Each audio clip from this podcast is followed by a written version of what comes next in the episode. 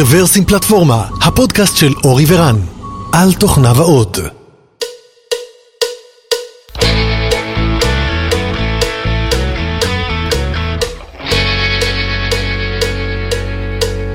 שלום, ברוכים הבאים לפודקאסט מספר 432 של רוורסים פלטפורמה, וזהו הקרבורטור מספר 32, התאריך היום הוא 18 בינואר 2022, ואנחנו באולפנינו שבקרקור.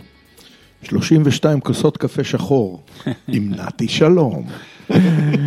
אז ש- שוב שלום לך נתי שלום, מה נשמע? שלום, אה, צריך לציין שזה היה יום 4 מעלות היום, היום הכי קר החורף, שרדנו אותו. הבת שלי דיווחה על שתי מעלות, או אפילו מעלה אחת אצלנו. לא, אצלנו זה אחרת, אתה יודע, זה ב- במרכז. כן, היה באמת קר היום, האמת שעדיין קר. אבל אנחנו באנו לחמם את האווירה היום, יאללה, נחמם אותה. לגמרי. אז אה, הקרבורטור זה סדרה של אה, תשתיות בעיקר, שאנחנו עושים ככה עם נתי, מדברים על אה, מה חדש בעולמות התשתית, והפעם כמיטב המסורת, אנחנו נעשה תחזיות לשנת 2022, בתחילת כל שנה אנחנו עושים פרק נבואי, שבו נתי מספר לנו מה אנחנו הולכים לראות בעולם התשתיות במהלך השנה הקרובה. תשתיות ונבואות. נבואות תשתיות. כן, אז, אז, אז נתי מן הסתם מתעסק הרבה מאוד בעולם התשתיות, DevOps וכולי. אה, ו, וכתבת איזושהי ככה טיוטה של בלוג פוסט שהיה לי את ההזדמנות לקרוא. אה, אז בוא ככה תיתן לנו איזושהי סקירה של אה, מה, מה לדעתך אנחנו הולכים לראות בשנה הקרובה. אז אני אתחיל ככה מאיזשהו רקע, אני אקרא איזשהו ציטוט מספוטיפיי על מה שנקרא The Speed Paradox, ואני אצטט אותו, The faster you grow, the more fragmented and complex your software ecosystem uh, becomes, and then everything slows down again. ו... ואני חושב שהפרדוקס הזה די מייצג הרבה מאוד שיחות שיש לי עם צוותי DevOps, אה, עם כל מיני מנהלי פיתוח וצ- וצוותי DevOps, כי בעצם הם באים ואומרים, רגע, אנחנו התחלנו את הג'רני של DevOps, שאנחנו היינו הפתרון לבעיה. באנו ואמרנו, אנחנו מחברים את ה-Devs ל-Ops ושוברים את הקירות, ואנחנו הפתרון לאג'יליות בארגון. אה, פתאום הם באים ואומרים, הכדור מתחיל להתהפך עלינו, אנשי פיתוח מתחילים לכעוס עלינו נורא, כי אנחנו פתאום נהיים הבוטלנק בתוך הארגון, ו... ואנחנו לא עומדים בקצב, יש המון המון דברים שאנחנו צריכים לעשות, ואנחנו לא עומדים בקצב, ואנחנו יותר ויותר אה, מבינים שמשהו פה נהיה מאוד מתסכל. שהתשתית עוצרת, התשתית מתחילה לעצור. אה, למעשה בדיוק, למעשה הצוותי DevOps עכשיו נהיו מה שהיה פעם האופס, כאילו מבחינת הרמת תסכול שיש כלפיהם, זאת אומרת בעבר זה היה אנשי אופס שהיו תוקעים את כל העסק ובעצם האג'יליות, הם היו אשמים בחוסר האג'יליות כי הם שמרו על ה, מה שנקרא Keeps the light on ולא היו מוכנים לשינוי. היום זה לא המקרה, היום צוותי DevOps אחראים על אוטומציה, אבל הם מוצאים את עצמם, אה, פשוט מתעסקים בהמון אינטגרציות והמון המון המון משימות שלא מאפשרים להם בסוף לתת את האג'יליות שאנשי- שצוותי הפיתוח רוצים. זאת אומרת, אבל אולי הפקק- גם, כן, אה, הפ- הפקק עבר מגבעת אולגה לנתניה, הוא רק התקדם, אבל יש עוד- פקק זה- איפשהו. אהבתי מאוד את האנלוגיה וזה ממש ככה, ואני חושב שאם אתה יודע, בספוטיפיי שהם אה, בהחלט נחשבים לאיזשהו רוקסטאר בעולמות האלה של אה, DevOps, אה, פרצה שלהבת, אז מה שנקרא, מה יגידו אזובי הקיר. אה, אז כמובן שזה כנראה מייצג הרבה ארגונים, ואלה שזה כנראה לא מייצג אותם, כנראה יגיעו לשם עוד מעט, אם הם לא הגיעו לשם כבר. אה, אבל אני יכול להגיד שבאמת מהרבה שיחות, אני כמעט לא זוכר ארגון אחד שלא בא ואמר לי, איך אני משפר את, ה, את היעילות של הצוות שלי, אני לא מצליח למצוא אנשי DevOps מספיק, אה, אני לא, גם לא הגיוני כבר שאני אשים על, איש DevOps על כל אחד מהבעיות שאני נתקל בהן, זה, זה גם לא יקר וגם הופך להיות אה, כמויות מאוד גדולות, כי הדרישות לאוטומציה הולכות וגדלות וכמות המור, והמורכבות הולכת וגדלה.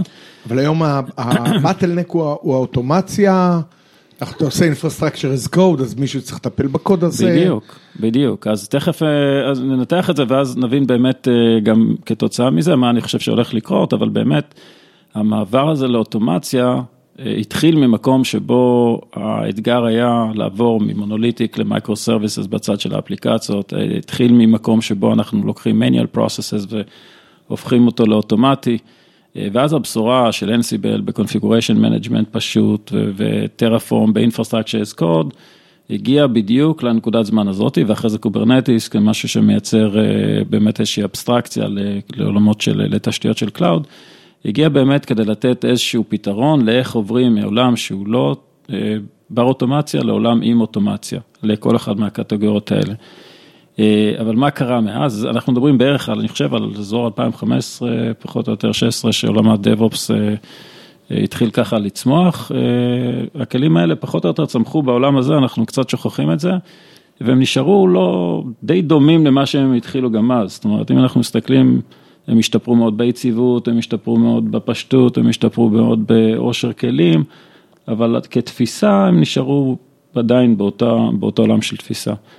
אה, ומה שהשתנה זה לא שהכלים האלה נהיו פחות טובים, אה, וזה פחות או יותר התזה שאני מנסה להוביל איתה, מה שהשתנה זה שבעצם העולם, העולם השתנה. הציפיות, אה, הציפיות נהיו גבוהות יותר. השתנה, אה, כשאני אומר העולם השתנה, אז, אז גם פה, שוב פעם, אפשר לבדוק מה קרה בעולם, העולם ה-cloud והמעבר ל-cloud. ואני חושב שקוביד, תכף נדבר על זה, היה איזשהו קטליזטור מאוד משמעותי בתחום הזה כמובן. אה, אז אחד, אנחנו מדברים על מעבר מארכיטקטורות הרבה יותר מורכבות ומבוזרות, בעבר זה היה שוב פעם מעבר מ-monolithic application, היום אנחנו מדברים על microservices, על serverless. על אה, אה, דברים שהם יותר כבר multi-site גלובלי, פיזור גלובלי של אפליקציות ואחרי זה גם אה, פיזור שהוא לכיוונים של edge ועוד כהנה וכאלה. אנחנו מדברים על הרבה מאוד AI ו-machine learning שבהגדרה הוא מערכות מאוד מבוזרות ואנחנו מדברים גם על זה שה-stack עצמו, זאת אומרת ה-pipeline שאנחנו מדברים על זה, אז דיברתי על הנושא של כלים שהיום יש לנו את GitOps ויש לנו את DevSecOps ויש לנו את אה, עוד משהו אופס, ML אופס, ואפשר לקחת עכשיו את כל האופסים האלה ולחבר אותם ביחד, וכל זה בעצם נהיה עולם החדש. אז אה, כשמסתכלים על זה ככה, אז די ברור שמה שנכתב ב-2014 ו-2015 לא יכול להחזיק מים לבעיות של העולם, הייתי אומר, המודרני. הוא חייב להיות חלק מהפתרון, אבל הוא כבר לא יכול להיות הדבר העיקרי והיחידי. אה, והקומפלקסיטי רק עלה ועלתה אה, וגדלה, ואני חושב שזה מה שהוביל גם את ספוטיפיי לכתוב את מה שהם כתבו, והם אגב יצרו עם אה, פתרון שנקרא Backstage, שהוא סוג של פתרון שלהם לבעיה הזאת, ותכף. ניגע בזה, אבל בגדול, יש, אני חושב, כן הכרה שמשהו פה צריך להשתנות. כן. אז אני חושב שיש פה, נגעת פה בכמה דברים. קודם כל, Backstage נשים רפרנס לאיזשהו כלי שהוא פורטל מפתחים פנימי, נכון. למעשה זה כלי שנותן למפתחים של Spotify. Uh, אה, במקום אה, לשלוח Slack לאיש הפלטפורמה, או במקום לשלוח ticket, אה, לעשות את הדברים בעצמם. נכון. אז זה סוג של פלטפורמה ל-self-serve למפתחים. אבל הזכרת פה כמה דברים. אחד, אמרת, אוקיי, ההתפתחות של DevOps היא enabler, אוקיי? אבל ברגע שפתחנו את הפקק, אז פתאום יש דרישות חדשות, והארכיטקטורות נהיות יותר ויותר מורכבות, הזכרת microservices ו serverless, זאת אומרת לא מעט דברים התפתחו פה. ופתאום יש דרישות הרבה יותר גבוהות וגם נהיו תת התמחויות. DevSecOps, FinOps, MLOps, EdgeOps, שאחר כך. כן אתה תיגע בזה, נכון. והתפתחו עוד ויותר דיסציפלינות, יש יותר ויותר כלים, אז נכון, הכלים יודעים לעשות יותר ממה שהיה פעם, אבל עכשיו גם צריך לעשות אינטגרציה ביניהם. והאינטגרציה הזו היא לא פשוטה, זאת אומרת אולי כל אחד מכיר מצוין את הכלי שלו, אבל הם צריכים לעבוד ביחד. אה, והנה עוד אה, ערימה גדולה של עבודה ומורכבות ש, שצריך לפתור פה. נכון. אני, אני קצת, אה, כאילו, השיחה מתסכלת אותי קצת, בסדר? אה, כן, מרגיש שחזרנו עוד פעם אחורה? אני, השיחה מתסכלת אותי כי לא רק שחזרנו אחורה, בסדר? או הבעיה קפצה דרגה, אבל היא עדיין בעיה. זה גם במקום שאני לא מוצא לזה את הפתרון. או, moving forward, נניח נסתכל על backstage, בסדר?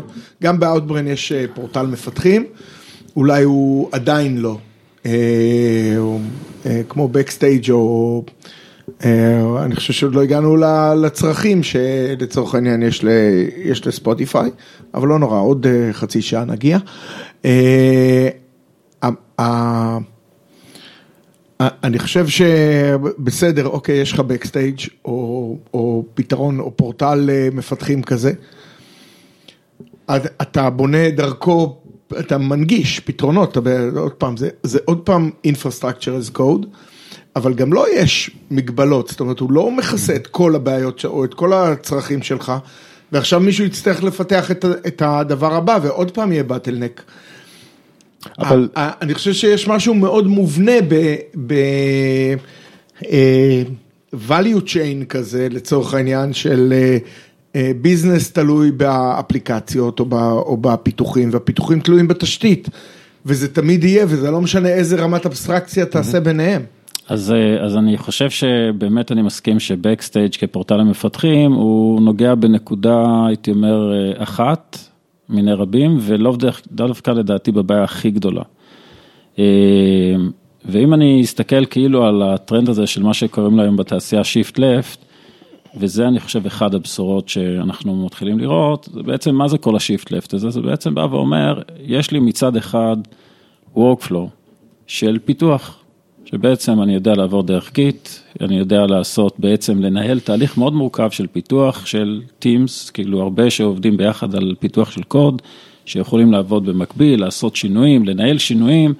ויש לי את כל ה-workflow הזה שמנוהל על ידי ה-source of truth הזה שנקרא גיט, שאני יכול לעשות אה, push לקוד, אני יכול לעשות pull לקוד, אני יכול לתרום, אני יכול לקבל תרומות, אני יכול לנהל את כל ה-workflow הזה, ולצידו צמחו הרבה מאוד workflowים אחרים, של CICD ו-workflowים של IT, שזה service nowים כאלה, ועוד, כל, הרבה workflowים כאלה. והטרנד הזה למשל שגיטופס מוביל אותו, בא ואומר, למה צריך הרבה workflowים? למה לא לחבר את הכל לאיזשהו workflow אחד שהוא מרכזי, שבמקרה הזה, אותו workflow שהמפתחים עובדים איתו, הוא כנראה גם הכי, אה, אה, הכי בשל, אני חושב, לתהליכים מורכבים. ו, וניישר קו, כל, כל התהליכים עכשיו יתכווצו לתוך ה-workflow הזה. אז זה שינוי אחד שאני חושב שיכול מאוד מאוד לייצר איזושהי בשורה חדשה לאיך אנחנו עובדים. זאת אומרת, במקרה הזה, נניח אנחנו מסתכלים על העולם של GitOps, אז במקום שאני אקרא עכשיו ל-CI/CD ויגיד לו עכשיו תריץ לי את ה pipeline הזה ותריץ לי את ה pipeline הזה, אני בעצם אעשה push לקוד, וברגע שמישהו יעשה לו merge, אז אוטומטית התהליך הרלוונטי יקרה. אם צריך approval process, אז אוטומטית יקפוץ לי ה... מי שצריך, לה...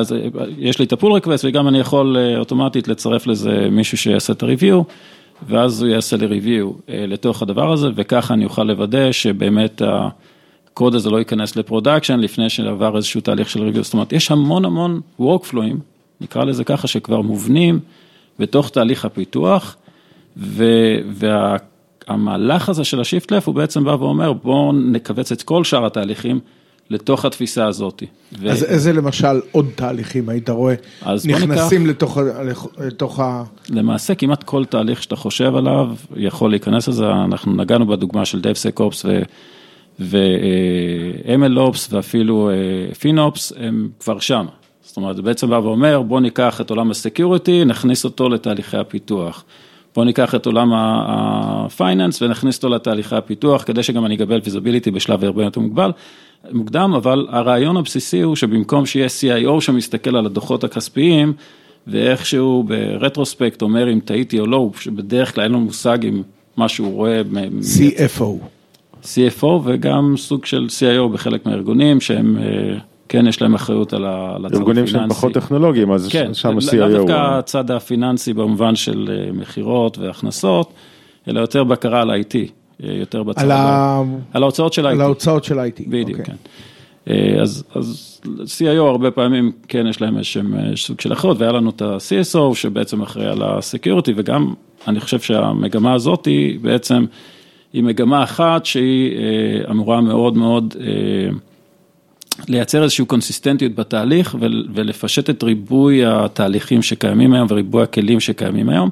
זאת אומרת, גם אם יש הרבה כלים, יש איזו דרך מרכזית אחת לנהל אותה, ואני חושב שזה גם ימשיך להיות. זאת אומרת, אנחנו נראה יותר ויותר את רוב התהליכים האלה שקשורים לאוטומציה של תהליכי DevOps, מנוהלים סביב הדבר הזה שנקרא גיט, ובעצם מתלבשים עליו כמשהו שדרכו אתה מריץ את שאר התהליכים בארגון. כולל אגב, לדעתי משהו שעוד לא נפתר, שזה כל החיבור בין IT ל-DevOps, כמה שדיברו על זה ב-2015 ודיברו על הסיילו הזה, עדיין זה, זה סיילו מאוד מאוד גדול, שאם אתם מסתכלים על, על העקומה של ההתפתחות, אז ServiceNow ו-Salesforce לצורך העניין התקדמו זה בראנץ' מסוים, וכלי ה-DevOps התקדמו עם קונפלואנס וג'ירה וכל הכלים האלה, עולם מקביל לחלוטין. תגיד לאיש DevOps עכשיו להתחבר ל ServiceNow ולפתוח ticket ב ServiceNow, הוא יזרוק אותה מכל המדרגות.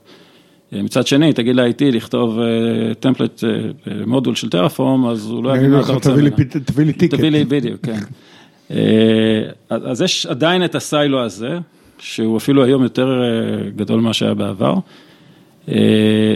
ואני חושב שבגדול, אם מסתכלים על ה silo אים האלה, הפתרון של הסיילוז יקרה באמצעות זה שכולם יתרכזו סביב הדבר הזה שנקרא גיט, כולם יתרכזו סביב ה-workflowים האלה שקיימים של פיתוח, ואני חושב שבדרך הזאת, הבעיה של לפחות, של איך מנהלים תהליכים של אוטומציה, תהיה קונסיסטנטית, מילת המפתח היא קונסיסטנטית, כי המורכבות לא תיפטר, אבל היכולת להגיע לאיזושהי רמה של קונסיסטנטיות כן יכולה להיפטר. וזה ייצר כשלעצמו כבר, הייתי אומר, קפיצה במדרגה מאוד גדולה בהורדת הסיבוכיות. אז הנה, אני, עכשיו אני תופס את הכובע האופטימי, בסדר? למה אני אופטימי? כי אני מביא עכשיו סיפור מהחיים, בסדר? בימים אלה. כן. Outbrain הונפקה, אנחנו עכשיו בתהליכים של בנייה של סוקס ומה שנקרא ITGC, ה-IT General Controls. וקודם כל, הרבה מהאנשים, במיוחד מדברים על זה שתרבות של DevOps וכולי, היא מאוד פלורליסטית ומאוד מעניקה ownership לכולם וזה, וזה נשמע מאוד לא, לא קונטרולי. אנטי compliant י. כן, אבל, בוא נגיד ברם אולם, מה שאני חווה, זה שדווקא ל engineering, אוקיי, למי שמוטמעים אצלו תהליכי DevOps ו-CI/CD כמו שצריך, הכי קל לנו. כי ה pipeline כבר נמצא, כבר היום אתה, המהנדס עושה את ה commit שלו, ולצורך העניין הוא, הוא יכתוב שהוא רוצה ש, שיהיה לזה push, זה יהיה commit and deploy, אז, אז ירוצו כל הטסטים, יבדקו כל הבדיקות, בדיקות אינטגרציה, כל ה pipeline ירוץ, וזה יעשה בתכלס deployment. נכון, ו... ואני אומר שבסופו של דבר זה באמת workflow מאוד מאוד מורכב, שכבר חלק יחסית משמעותי בתוך הארגון התרגל לעבוד איתו. יודע מה זה approval process, יודע, וגם יודע לעבוד עם התהליכים האלה. וזה בכלל בא מהצד של האיכות, לא מהצד של compliance ואודיט ומקומות כאלה. עכשיו היפה הוא שגם פיצחו את הנוסחה לאיך עושים את הבקרה הזאת בלי לפגוע באג'יליות. זאת אומרת, אתה כן מצליח לשחרר קוד 10 פעמים ביום או 30 פעמים ביום, יש כאלה שעושים אפילו יותר, 300, למרות שהתהליך הוא מאוד מורכב. ולמרות שיש בו הרבה מאוד בקרות, ולמרות שיש בו זה, אבל מה שעשו זה שהרבה מאוד מהבקרות הן אוטומטיות. ובדרך הזאת הצליחו לייצר פה איזשהו תהליך מאוד מאוד אפישנט, שלא פוגע באג'ילית, אבל מצד שני כן לא, לא מגיע לווילד וייסט הזה שהיה כן. הקצה השני של הבעיה הזאת, ולכן אני חושב שאימות של התפיסה הזאת הוא כנראה best practice ש... כדאי לאמץ אותו לשאר התהליכים. אבל מה שאני רואה זה שדווקא המקום הזה שנחשב להכי פלורליסטי, הוא דווקא הכי קל.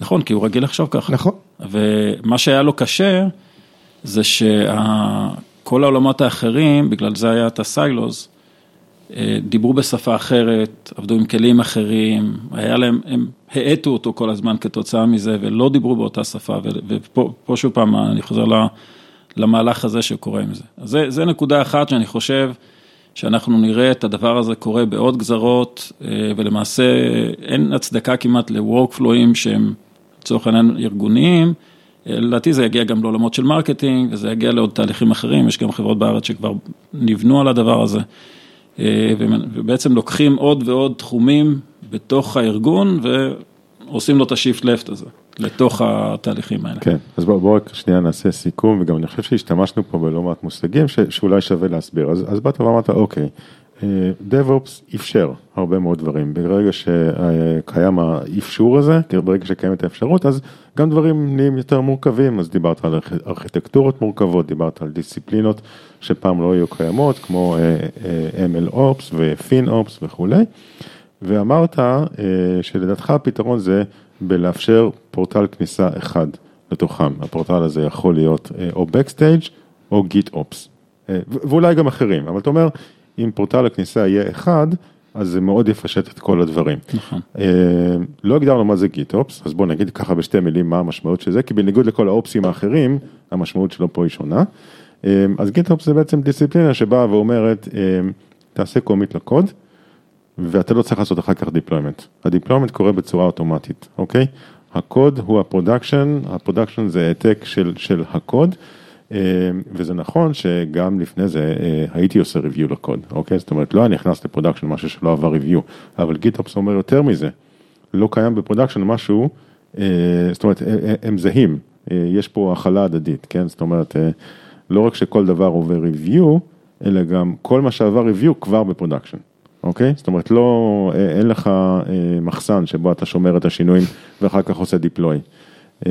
אז זה אני חושב, אלא אם כן לא עבר טסטים. כן, אז אם זה לא עבר, אז אני אומר, או שזה, או שזה עבר merge מוצלח, וזה נמצא ב master, ואז גם זה אוטומטית עובר ל production, אתה לא צריך ללחוץ על כפתור נוסף כדי שזה כן. יעבור לשם, או שזה לא עבר, ואז זה לא, זה לא עבר merge. אבל לא, יש אבל זה... יש גם integration test וכולי שקורים אחרי ה merge, אז כל, כדי, כל אחד וה pipeline שלו. עד כן. כדי קבוע, כן. אז, אתה אומר, זה, זה פתרון למורכבות הזאת, פתרון אחד אולי נכון, למורכבות הזאת. נכון.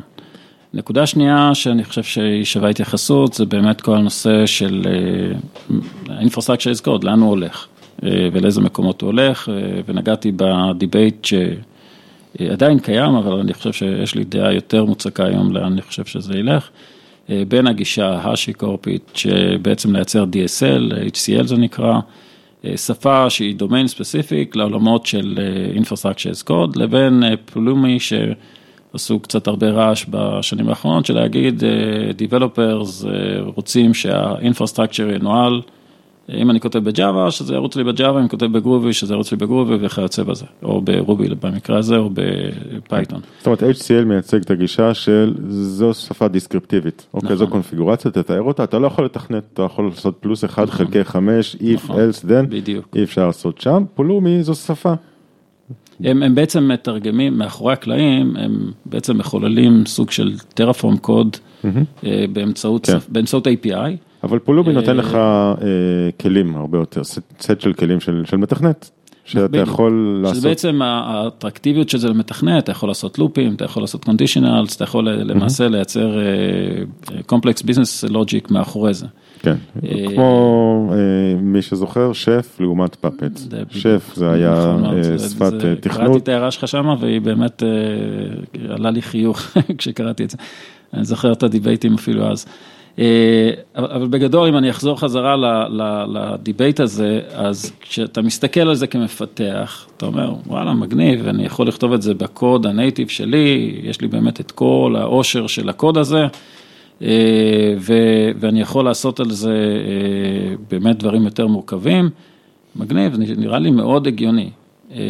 אבל מה שקורה, ואפילו אם כשקוראים אפילו הערות של אותו יזם של פלומי, ברח לי השם שלו כרגע,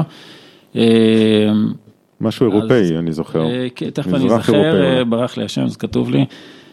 אז, אז, אז גם הוא מודה בזה שבסוף בסוף, אם אתה תכתוב עכשיו ב Java לצורך העניין קוד להרים infrastructure, השפה לא בנויה להתמודד עם זה שזה הרבה מאוד פעולות אסינכרוניות, הרבה מאוד פעולות מבוזרות, המקרה של partial failures וניהול state לצורך העניין, מאוד מובנה בבעיה עצמה, ויש הרבה מאוד לוגיקה שהיא domain specific, שלא נמצא בשפה.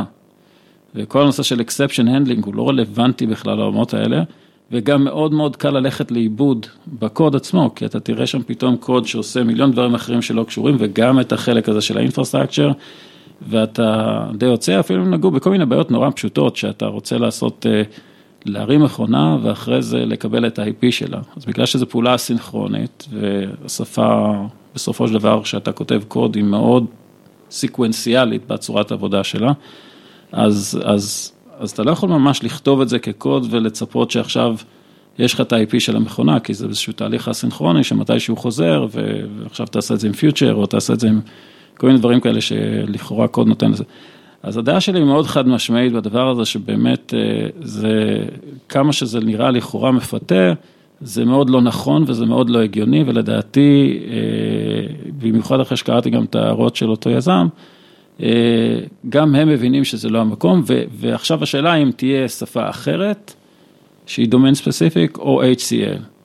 ופה אני חושב שזה כבר לא שאלה של מה השפה הכי טובה, אני חושב ש Python זו דוגמה מצוינת לזה. אלא באמת איפה נמצא adoption, אני חושב שכולם מכירים את זה ש Terraform באמת הצליחו מאוד, הגיעו היום להרבה מאוד דיפלוימנטים, השפה כבר מוטמעת בהרבה מאוד מקומות, אני לא רואה את זה משתנה בעתיד הקרוב, ולכן אני חושב שה gravity שהם יצרו וה stickiness שהם יצרו, הוא משהו שיישאר לעוד הרבה זמן, ומה שאני כן חושב שנכון שיקרה, זה יותר ecosystem שנבנה סביב סביב ה HashiCorp הזה, שהוא לא, לא רק סביב ה HashiCorp, אלא ecosystem שלם של פתרונות, כלים, שנבנה מסביב לשפה, דומה למה שגם ראינו בעולמות של Kubernetes ודברים אחרים, וזה לדעתי בעולם של Infrastructure as Code, המגמה שאנחנו נראה. עכשיו, מה יתפתח, אני אעצור פה שנייה עם... כן, לא, אז אני האמת רוצה להתייחס לדבר הזה. כן.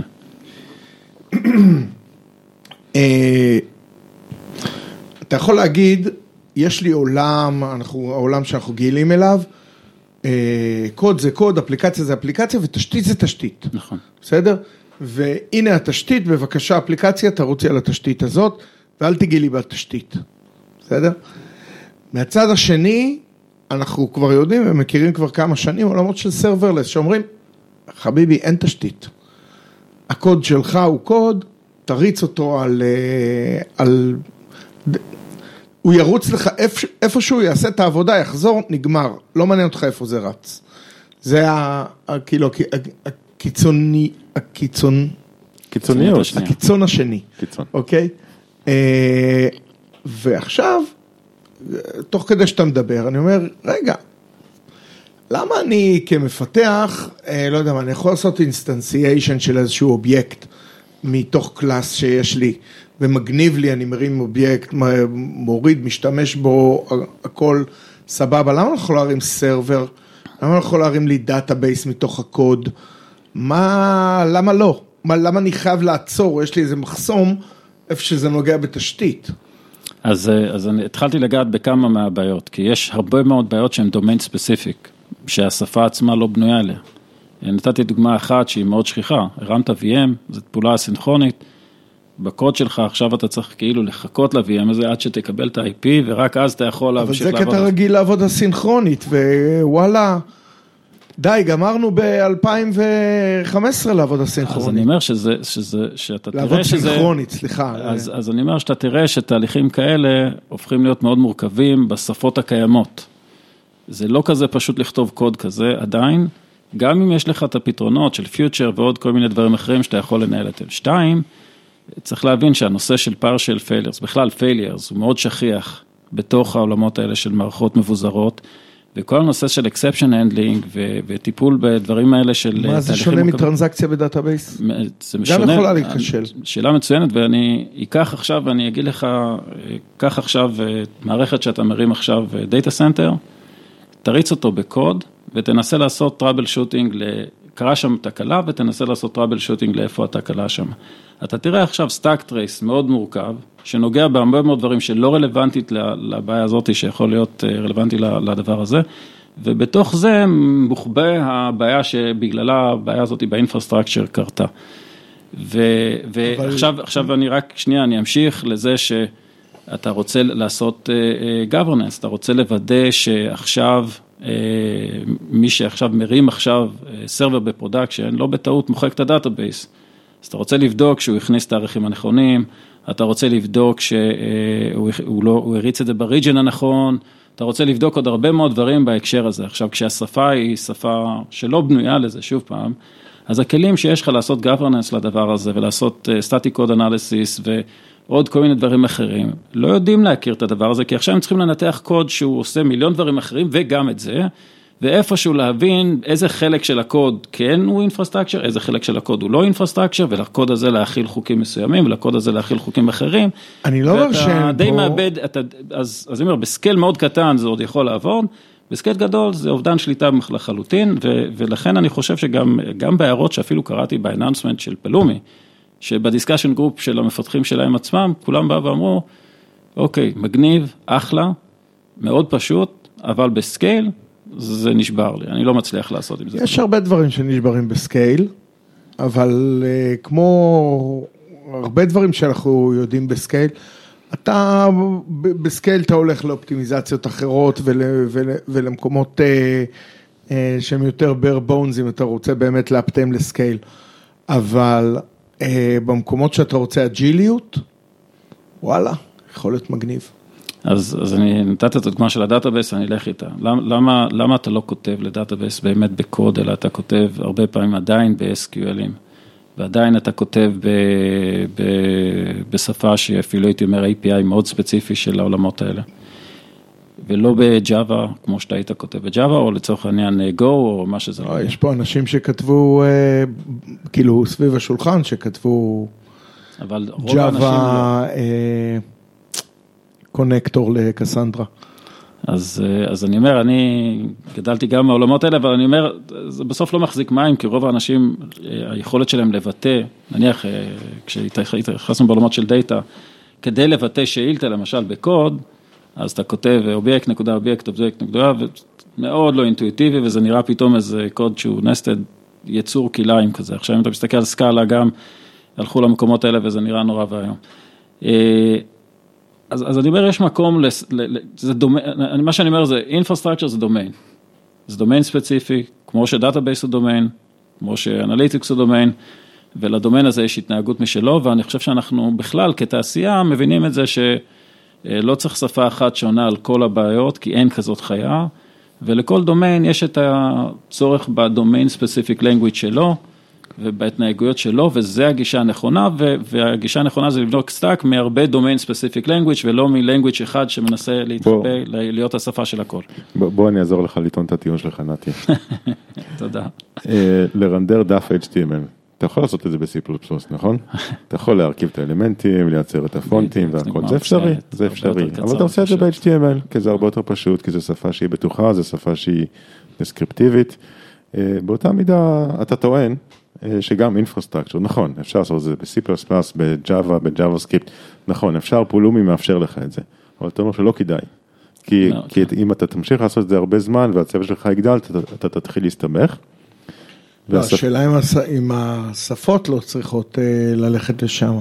C התחיל כ-C, אבל כשנהיה לו דרישה ל-Object Oriented, אז זה התפתח ל-C++, בסדר? כן.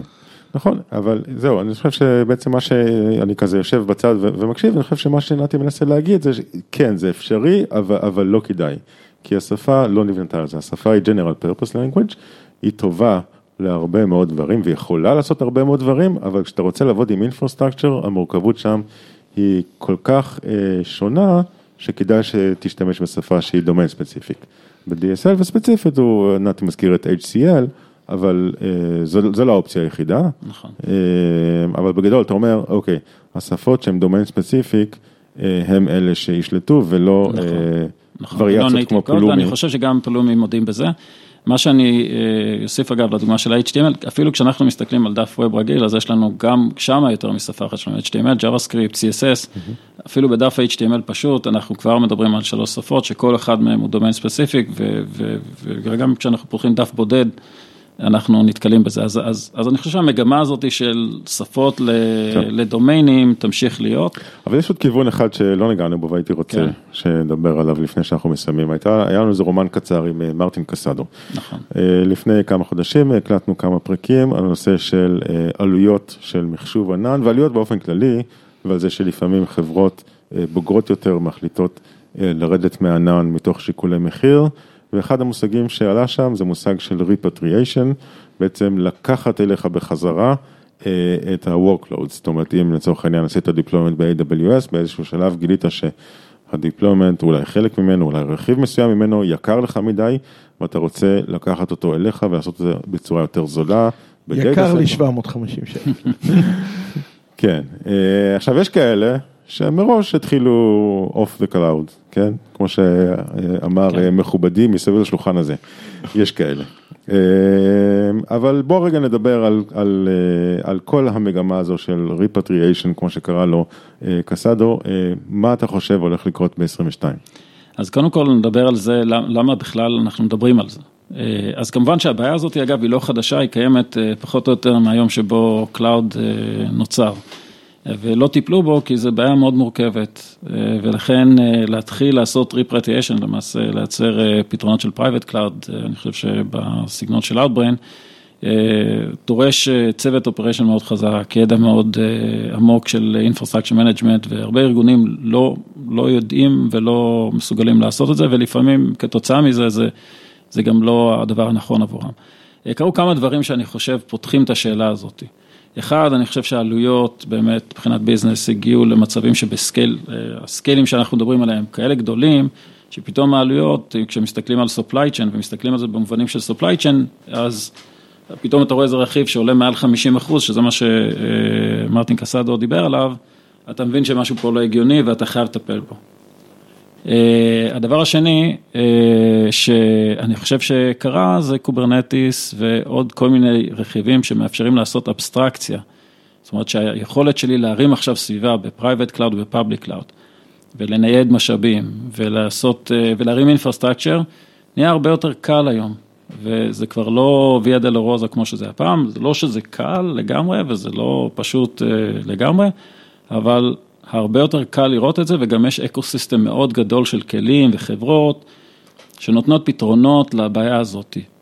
ועכשיו כשאתה נדרש לשאלה הזאת ואתה אומר אני יכול, אני רוצה להרים עכשיו משהו ב-private cloud, פתאום אני רואה ארגונים שאפילו צוותים קטנים, סטארט-אפים, הולכים ועושים דברים כאלה וגם אם מריצים משהו בענן, אז הם לא ייקחו תמיד את ה-managed service, כי איתו בא הרבה מאוד baggage, או לחילופין, הם יבנו סטאקים שהם לאו דווקא managed services של ה... של ה-cloud, אני חושב ש-Datadog זו דוגמה מצוינת, אבל הם ייקחו, ינסו לקחת workload או שירותים, גם אם מנוהלים, לא הכל של אמזון ולא הכל של אג'ור ולא הכל של גוגל, כדי שיהיה להם את היכולת שליטה וגמישות הזאת, וגם את היכולת אחרי זה להריץ את זה במקום אחר, אם הם ירצו. אז אני חושב שהמגמה הזאת, ככל שהבשלות של הכלים האלה תגדל, אז אנחנו נראה שהמוטיבציה להגיע למקומות שבהם את הביזנס העיקרי שלי, אני רוצה שליטה על ה-supply chain, כי ה-supply chain שלי, אני חושב שאתה נגעת לזה בשיחה הקודמת שדיברנו עליה, שליטה על ה-supply chain היא יתרון תחרותי ולא רק, ולא רק אופטימיזציה של cost. ויכולה גם לייצר יתרון תחרותי במובן הזה שאנחנו יודעים שמי ש... אנחנו יכולים לראות את הדוגמה של הסינים, זאת אומרת מי שצולט ב-supply chain בסוף יכול להיות השליט של התחום שלו לצורך העניין.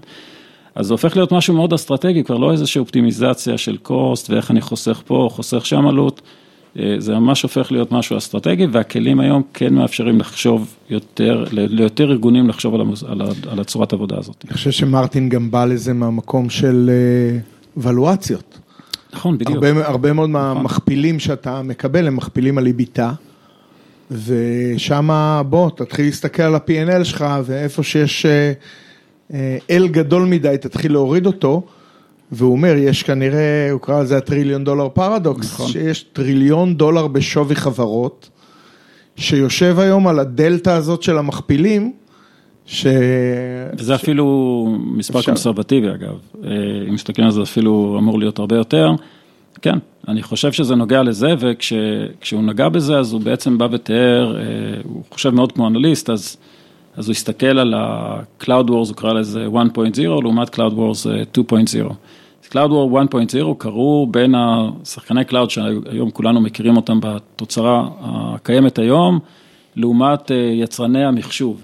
שזה HP, דל וכיוצא בזה, וגם אז הסתכלו על זה ואמרו, כמו שהיום אומרים על ריפרטיישן, אומרים, תראי מה, השתגעתם, אתם הולכים להיות יצרן של סרברים, אתם הולכים לייצר חומרה, כאילו יש פה חברות שזה הדומיין שלהם ואפילו הייתה הרבה מאוד ביקורת על זה, והיום אני לא חושב שמישהו בכלל שואל את השאלה הזאת, זה די אמרו- ברור. אמרו לאמזון ולגוגל. אמרו לאמזון ולגוגל. למה לכם לייצר חומרה אם HP מייצרים את החומרה בשבילכם, אבל לא, ואמזון הלכו וקנו חברות נכון. חומרה, והיום הם מייצרים לעצמם את החומרה. ובזמנו, כשבאמת הרמת data center, לא חשבת לבנות חומרה, אף אחד לא חשב על זה. אה, אבל פתאום חוץ הגיע scale כזה. מפייסבוק. בדיוק. אז אני אומר, כשזה הגיע לסקיילים גבוהים, למה הם הגיעו למסקנה הזאת? כי הם עשו את ה-supply chain management, אמרו וואלה, יש פה איזה bucket שלוקח באמת מעל 50% מה-cost שלנו, לא הגיוני, אנחנו יכולים לעשות זה פשוט יותר טוב יותר ולשלוט ב-supply chain הזה. אה, אז אותו דבר קורה, קורה היום לחברות ב-scale בענן, והוא בא ואומר, אוקיי, אה, קורה עכשיו מגמה כמעט אחד לאחד למה שקרה אז בין ל- לספקי אה, מחשוב, קורה היום בין הספקי תוכנה לבין ספקי ענן. אז ספקי התוכנה הגיעו לנקודה, כל החברות SaaS ב-scale, אה, הגיעו לנקודה שבה פתאום ה-infrastructure cost עולה להם מעל 50 אחוז, וגם הם מתחילים לשאול את עצמם את השאלה הזאת. עכשיו, יש להם את הכוח אדם להרים אינפרסטרקצ'ר אם הם רוצים, הם פשוט צריכים להחליט. אה, אין להם את הבעיה של הברייר הטכנולוגי לעשות את זה היום. אה, וכבר זה באמת עניין של החלטה. עכשיו, כן יש פה קושי אם אתה לא עושה את זה נכון, ואם אתה עושה את זה מאוחר מדי, ואם אתה לא חושב על זה קודם, ועוד כל מיני אישים אחרים, אבל אני חושב שהברר הזה ירד מאוד, אה, ולכן אנחנו נראה את המגמה הזאת הולכת וגדלה. אז בהורדה של ה-barrier הזה נכנסים כלים טובים יותר, Kubernetes זה, נכון. אה, זה דוגמה, אבל עדיין יש, יש barrier של אה, פחד שנובע מחוסר ידע. זה נכון, אבל אני אומר שפה באמת, ה, הייתי אומר, המוצלחים יותר, אה, מבינים שיש פה יתרון תחרותי. זה לא שאלה טכנית, פנימית, של אופטימיזציה לאיזה תהליך, זה, זה ממש, זה כמו שאתה חושב על איך אני בונה חברה, פחות או יותר, ואיך אני גורם לה להצליח ביחס לתחרות. כשזה מגיע למשוואה הזאת, אז המוטיבציות הופכות להיות מאוד גדולות. זה כמו שהיום פתאום אה, מסתכלים על ייצור צ'יפים ואיפה נמצא ייצור צ'יפים, ופעם ברור שזה היה אינטל, אבל היום אה, אפל יוצאים עם M1, אמזון יוצאים עם, ה- שכחתי איך קוראים לצ'יפ שלהם, וכל אחד מוציא את הצ'יפ שלהם, כי הם פתאום הבינו שצ'יפ זה דבר יקר, והוא גם מתנהג לא נכון ל-workload שהם רוצים, ואפשר לעשות לו אופטימיזציה, והנה בעם פתח את השוק הזה, באמת כל אחד יכול לייצר לעצמו את הצ'יפ האופטימלי שלו, והאמת אני חייב לציין שה-M1 הוא דבר מדהים, שהוא כמעט ביחס לכמות הזומים שאני יכול להריץ היום על אותו, בלי לטעון את המק שלי, היא פנומנלית. לפני כן לא הייתי עובר Zoom session אחד עם ה Intel based Mac, הייתי צריך לטעון אותו כל הזמן. אז גם בצ'יפים אנחנו אבל רואים היית את יכול זה. להכין עליו טוסט. לגמרי. זה טוסט. מועך כזה. לגמרי. אז אנחנו רואים את זה כמעט בכל דבר. כש, כשאנחנו עוברים לסקיילים כאלה, אז, אז מה שמכתיב זה, זה ה-supply chain. וכשמסתכלים ב-supply chain, המספרים מדברים, והמספרים מכתיבים אסטרטגיות, ומוצאים את הדרך להגיע לזה, רואים את זה ביצרני רכב, רואים את זה ביצרני צ'יפים, רואים את זה עכשיו בבטריות, אה, ויראו את זה בכל מיני מקומות שבהם היה כזה, זה- ברור שאני הולך לספק X שיעשה לי את כל הדברים האלה, ברור שאני הולך לסין כדי לייצר בטריות, ברור שאני הולך ל... לא יודע מה, לטיוואן לייצר צ'יפים, פתאום זה כבר, כל הפרדיגמות האלה נשברו. אז אני מנסה להגיד מה אתה אומר. אתה אומר שעכשיו כל סטארט-אפ יתחיל לבנות את הכל בבית, או שאתה לא, לא, אומר, לא, לא, לא. בוא בוא אני אתן את ההפך. כן, סליחה. או שאתה אומר, יקומו ונדורים, יקומו מתחרים לאמזון בתחום ה, לצורך העניין, messaging, יקומו מתחרים לאמזון בתחום ה storage, יקומו אלטרנטיבות לספקי העננים הגדולים, ואז אתה כ, כמשתמש אה, בוחר את הפתרון שמתאים לך. אתה צריך storage מאוד מהיר וזול, אז אוקיי, אתה לא חייב לקנות אותו מאמזון, אתה יכול לקנות אותו ממישהו אחר. מ Snowflake למשל. אבל אני אומר ש... ש- אגב, זה- זה- Snowflake זו דוגמה מעולה, כי לכאורה לא היית מצפה שבכלל יהיה זכות קיום לחברה כזאת בעולמות של ענן, כי למה שאמזון לא יצליחו לעשות Snowflake יותר טוב מ Snowflake. אה, ועובדה ש... שהם מצליחים כן לייצר את ה margin הזה ולייצר מזה בגלל שהם, אה, הייתי אומר, אה, מייצרים אופטימיזציה ורטיקלית. אבל אני חושב שמה שיקרה זה הכל מהכל, זה לא, לא הקצוות. זאת אומרת, כן הם ישתמשו בענן וכן זה עדיין יהיה המקום המרכזי שבו תריץ את רוב ה-workload שלך, אבל יהיה לך workload שהוא ה-80 אחוז שלך, שהוא גם, שהוא גם עיקר העלות שלך ועליו אתה תעשה את האופטימיזציות האלה, אבל סביבות פיתוח, testing וגם אה, סביבות production שהם לא ב scale מאוד גבוה, אין, אה, אין טעם לעשות על זה אופטימיזציה. אז, אז יהיה משהו מאוד היברידי וכן יהיו חלק מזה שזה פתיחה לשחקנים נוספים שהם לא שייכים ל cloud, נתנו דוגמה של Snowflake. אבל גם אפילו אם תסתכל על Datadog, זו דוגמה מצוינת של לכאורה יש לכל ה cloud ים פתרונות monitoring, הם גדלים במספרים של 60 אחוז לשנה עדיין, במספרים שהם מוכרים בהם שזה פנומנלי. אז הבר לחברות האלה הולך וכאילו, הם צריכים להיות מאוד מאוד מוצלחות, מאוד אופטימליות, מאוד efficient, מאוד זה, וחלק מהיכולת שלהם להיות efficient זה לשלוט ב infrastructure. דיברתי אגב עם, עם חברת security, תכף אני אזכר, shit, אז גם הם מריצים את רוב ה data center ים שלהם, והוא אמר לי, תקשיב, במספרים שלנו, אם אני הייתי מריץ את זה באמזון, הייתי פושט את הרגל עכשיו. וזה נורא פשוט, זה business שאם אתה לא מצליח לשלוט ב stack הזה וב margins, אז אתה, אתה פשוט לא תשרוד. אני חושב ש... אתה זוכר שדיברנו רן פעם עם בחור מ... זיסקלר. זיסקלר זה שם החברה, חברת סיכוני, כן. אוקיי. דיברנו עם בחור מזדרה, נכון? כן. זין באדר א', כן. זדרה. אז הוא, הוא אמר שהם נותנים שירות לענן, אבל האינפרסטרקציה שלהם הוא מבחוץ.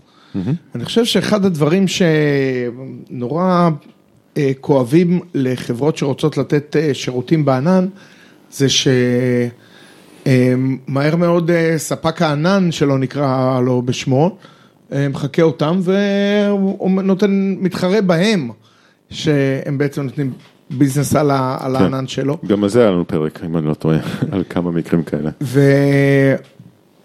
ומי שיכול את התשתית שלו להוציא החוצה ולהוזיל אותה מאוד, מצליח, יכול, יש לו edge תחרותי אפילו על ספק הענן. לגמרי, וזה, נתנו פה כמה דוגמאות, Zscaler, Snowflake, מן הסתם החברה שלך, Outbrain. כל אחד מהדברים האלה הם דוגמה לזה שזה סוג... Outbrain, אבל הלקוחות שלה הם לא בתוך הענן, זאת אומרת, אנחנו לא נותנים שירות נכון, נכון, למישהו בענן. נכון, נכון, אבל, אבל זה כן משפיע בסוף על ה cost של השירות, ואני מעריך שאולי אצלכם פחות, אבל בטוח ב Zscaler וב Snowflake זה ממש משפיע. זה, זה משפיע משמעותית על ה... אז זה מה שהלקוח רואה בסוף. העניין הוא שכשאתה נותן שירות SaaS, זה לרוב חותך ב margin שלך. בדיוק, ולכן ה cost של ה infrastructure הופך להיות משהו שהוא הרבה יותר מהותי ב supply chain הזה. אני רוצה אולי לגעת בקצת לעשות איזושהי קפיצה, שדרכה אולי אפילו נוכל לסכם, כי אפשר לדבר על זה עוד, יש המון המון דברים שקורים בעולם הזה, אז אפשר עד סוף השנה. עד סוף השנה, כן. עד סוף השנה. ואז נדע ברטרוספקט. אני חושב שנגעת בשאלה של... של התסכול הזה, של אוקיי, יקרה פה את זה ויקרה פה את זה ויהיה ריפרטיישן, ועדיין אנחנו מרגישים שאנחנו זזים באותו, פחות או יותר באותה אינצ'לדה. רק ו... מעבירים את הפקק קדימה. מעבירים את הפקק קדימה, פקק. כן, אבל עדיין אנחנו נישאר בפקק, ובאמת אין פה איזו תחושה לאיזו בשורה. ו- וכשאני מנסה ככה באמת להגיד, מה יכול להיות Game Changer, איך אנחנו יכולים באמת להוריד, לעשות קפיצת מדרגה בפשטות לצורך העניין.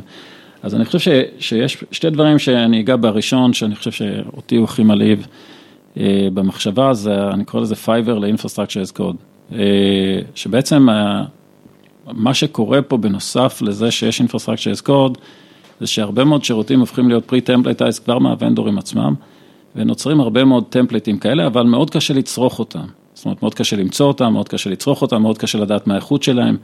מאוד קשה למצוא את אנשי ה DevOps האלה שיכולים אחרי זה לתת לך שירותים מוכנים ולדעת מי הוא הטוב וגם העלות שלהם מאוד יקרה. ובעצם אפשר לייצר פה סוג של sourcing, עולם של sourcing שבו היכולת לצרוך דברים שהם כבר pre-templatized, כי לרוב אנחנו ממציאים את הגלגל באחוז גדול של הדברים. דברים שהם pre-templatized, ועכשיו יש פה מטבע שעובר לסוחר, זאת אומרת, עכשיו אני כן יכול להעביר לך template של, או מודול של Terraform, והוא ירוץ אצלך באמזון, כמו שהוא ירוץ אצלי באמזון, והוא ירוץ בכל אחד מה cloud ים האחרים כמעט באותו דבר, ועכשיו יש לנו את המטבע הזה, שפתאום אפשר לסחור בו. ולכן אני חושב שלייצר איזה ecosystem כזה של sourcing, שבאמת, אנחנו לא נחפש כל פעם את האיש DevOps שיפתור לנו את הבעיה שפתרו גם לצורך העניין לוויקס ופתרו לכל אחת מהחברות האחרות אצלי, אלא אנחנו נוכל לייצר באמת איזשהו marketplace כזה שיכול בעצם להוזיל מאוד מאוד ולפשט מאוד מאוד את איך שאנחנו אה, חושבים בכלל על הבעיה ואיך שאנחנו צורכים אותה, זה פשוט יהיה קליק, תביא לי templates, לא יודע מה, ל Kubernetes ל testing, אה, או סביבה כבר מוכנה מראש לדבר הזה, וזה לאו דווקא חייב להיות שירות SaaS, זה יכול להיות פשוט מישהו שמבטיח שהדבר הזה, האוטומציה הזאת עובדת עבורי, הוא מתחזק לי את האוטומציה, ואני מקבל את זה ויכול להריץ את זה בשירות שלי, ואפשר בהחלט לעשות פה מהפכה באיך שאנחנו חושבים על הבעיה הזאת. אתה חושב שזה יהיה